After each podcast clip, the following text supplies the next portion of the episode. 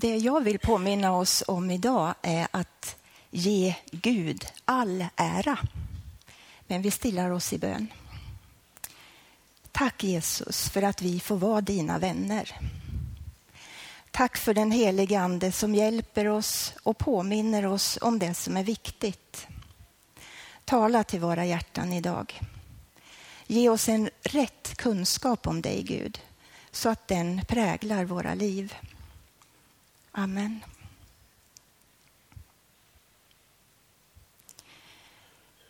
Guds ära, det är ett uttryck för hans härlighet och fullkomliga makt som skapare och frälsare. Vi som hör till hans skapelse kan aldrig fullt ut förstå hans tankar och allt vad han gör. Men han gör sig känd genom sitt namn och han uppenbarar sig för oss. Vi lever i en värld där många på olika sätt ärar skapelsen framför skaparen. Men Gud har skapat oss till sin ära, står det i ordet.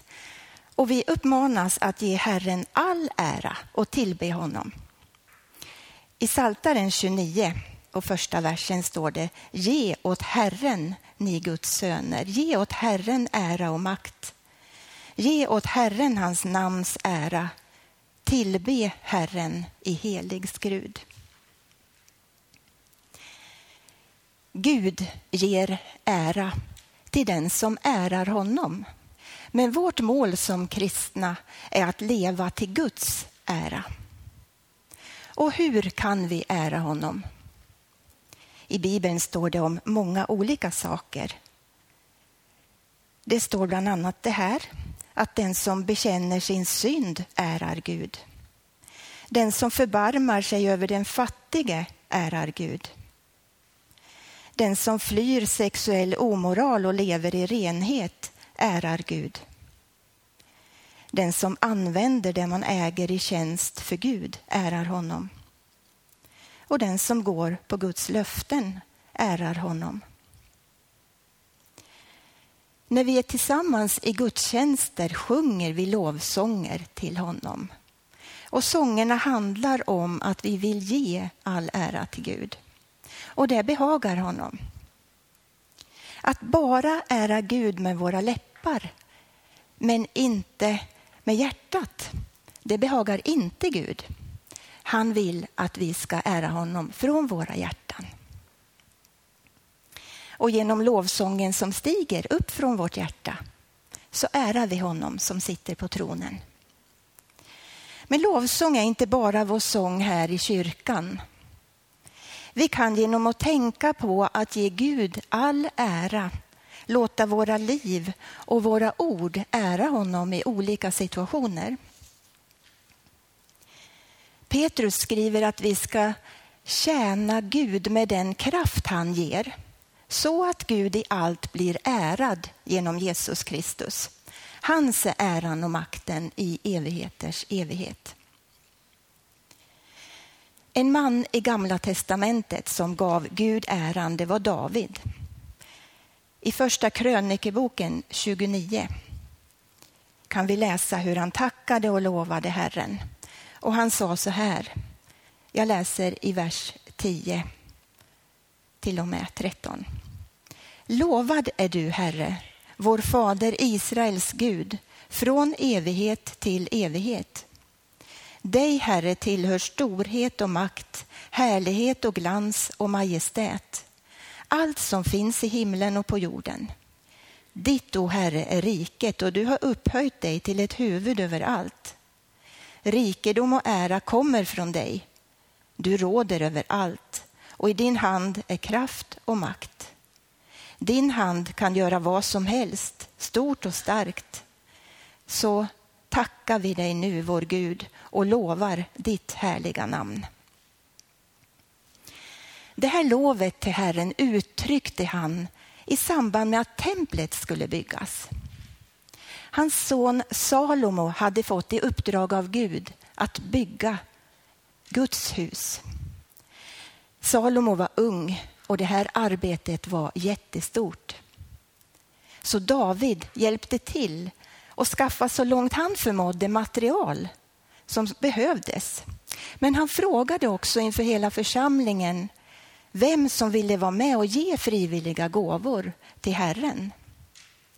Och när man läser om det här så står det att familjehövdingarna, stamhövdingarna, över och underbefälen och ledarna för kungens arbeten bar fram frivilliga gåvor.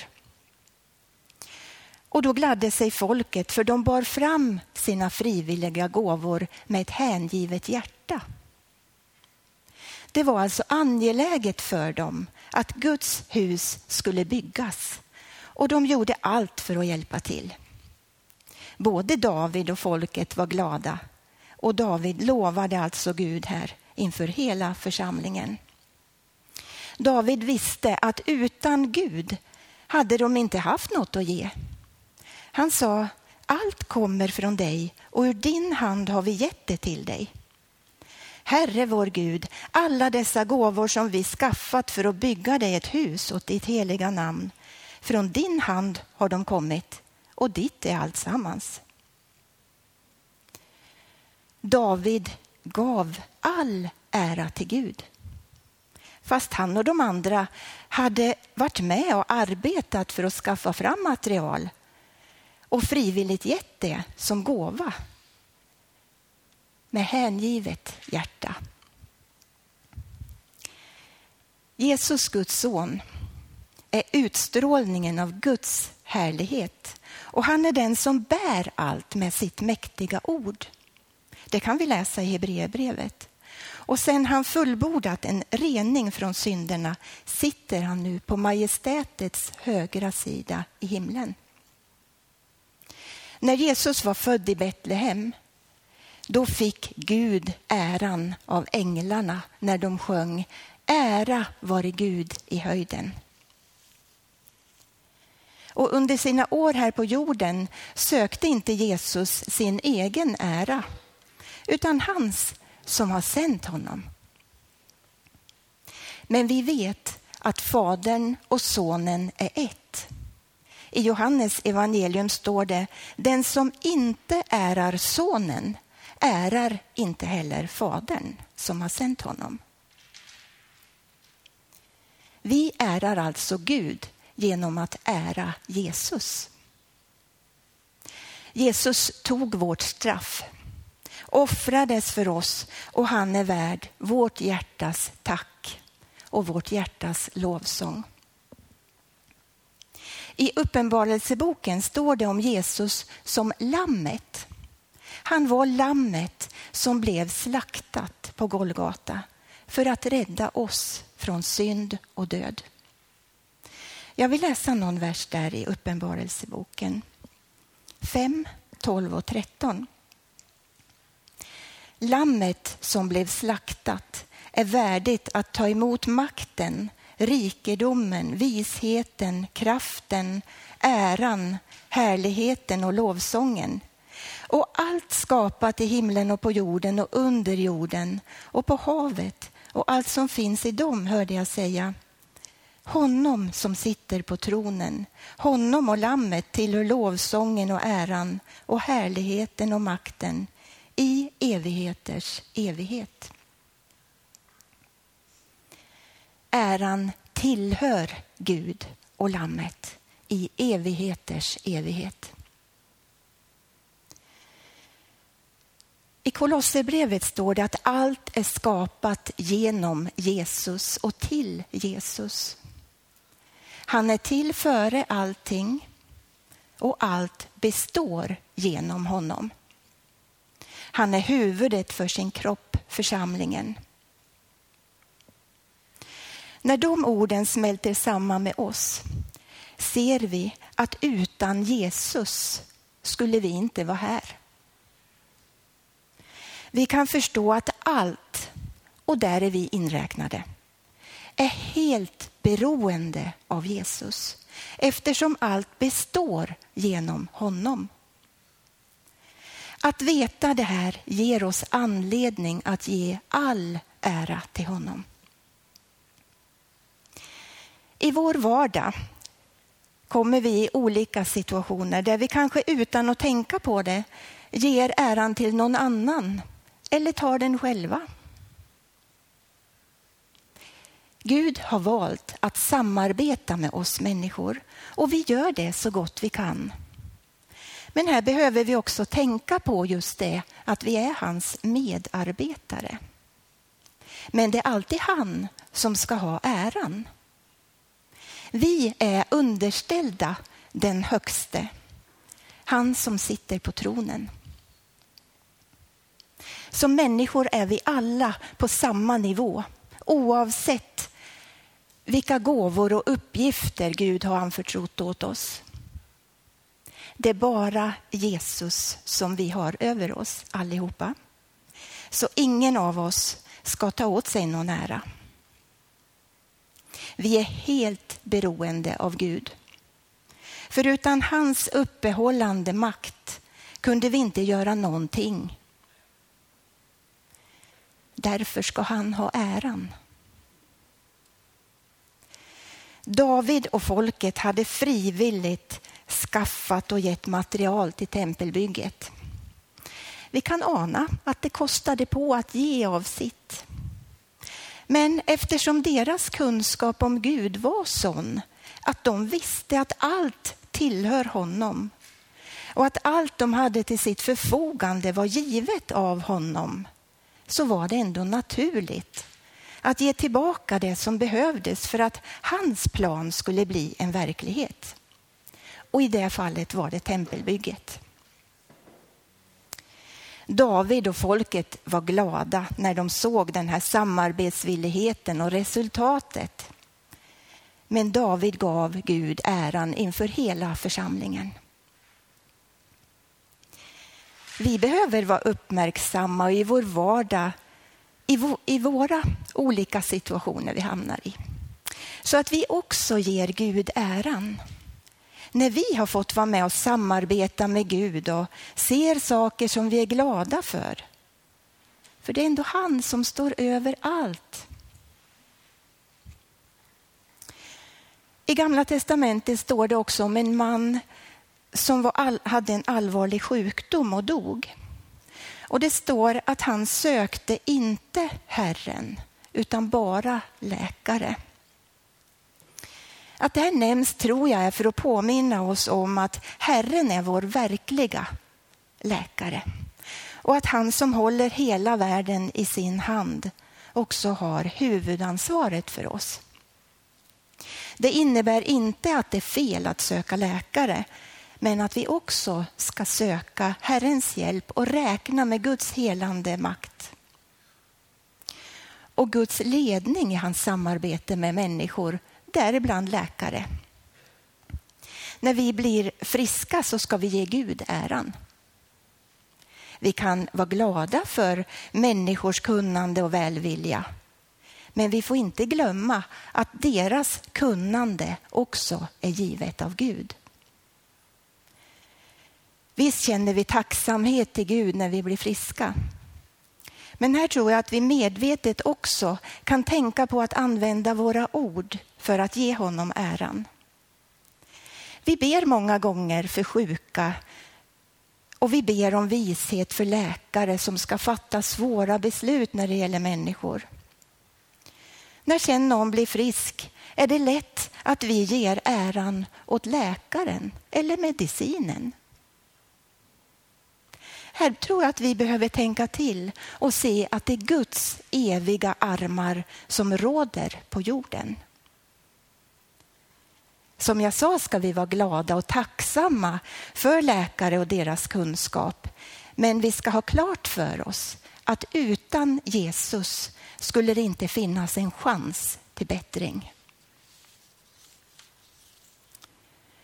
Om vi ser det här och med våra ord från uppriktiga hjärtan ger Gud all ära tror jag att vi kommer att få se fler helanden.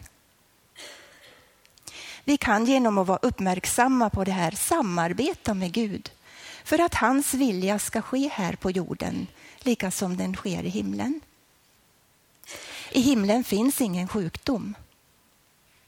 Och när vi ber om att människor ska bli friska ber vi alltså att Guds vilja ska ske här på jorden. Vi kan alltid frimodigt fråga efter Guds makt och vi uppmanas till det i ordet. En gång när Jesus var på väg mot Jerusalem då möttes han av tio spetälska män och jag vill läsa om det också i Lukas 17 kapitel från vers 11. På sin vandring mot Jerusalem tog Jesus vägen mellan Samarien och Galileen. När han var på väg in i en by möttes han av tio spetälska män. De stannade på avstånd och ropade Jesus, mästare, förbarma dig över oss. Han såg dem och sa till dem, gå och visa er för prästerna. Och medan de var på väg dit blev de rena.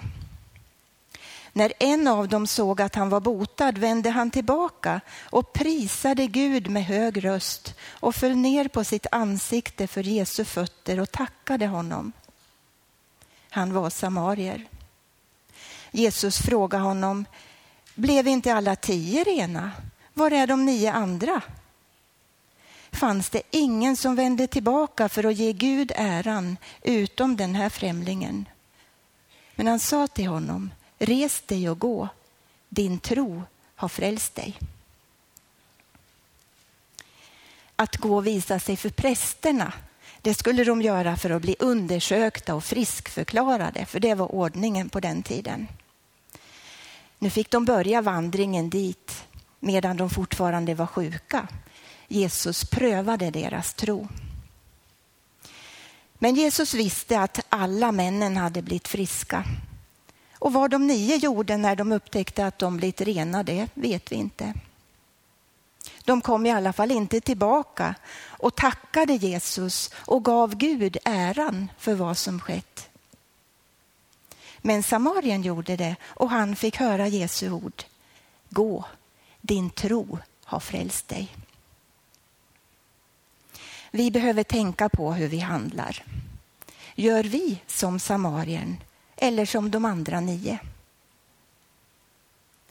Gud, Fadern, sitter i sin höghet på tronen i himlen idag. Och Jesus, konungarnas konung, sitter på majestätets högra sida. Gud ger aldrig äran åt någon annan. Vi ska inte heller göra det. Vi ska ge honom all ära. Han som äger allt och håller hela världen i sin hand. Med vetskapen att Jesus bär allt med sitt maktsord och att allt består genom honom lär vi oss att mer och mer förstå att utan honom och hans ord vore det ute med oss. Vi själva har ingenting att berömma oss av. Vi ska ge Gud all ära. Honom som sitter på tronen, honom och lammet tillhör lovsången och äran och härligheten och makten i evigheternas evighet. Amen.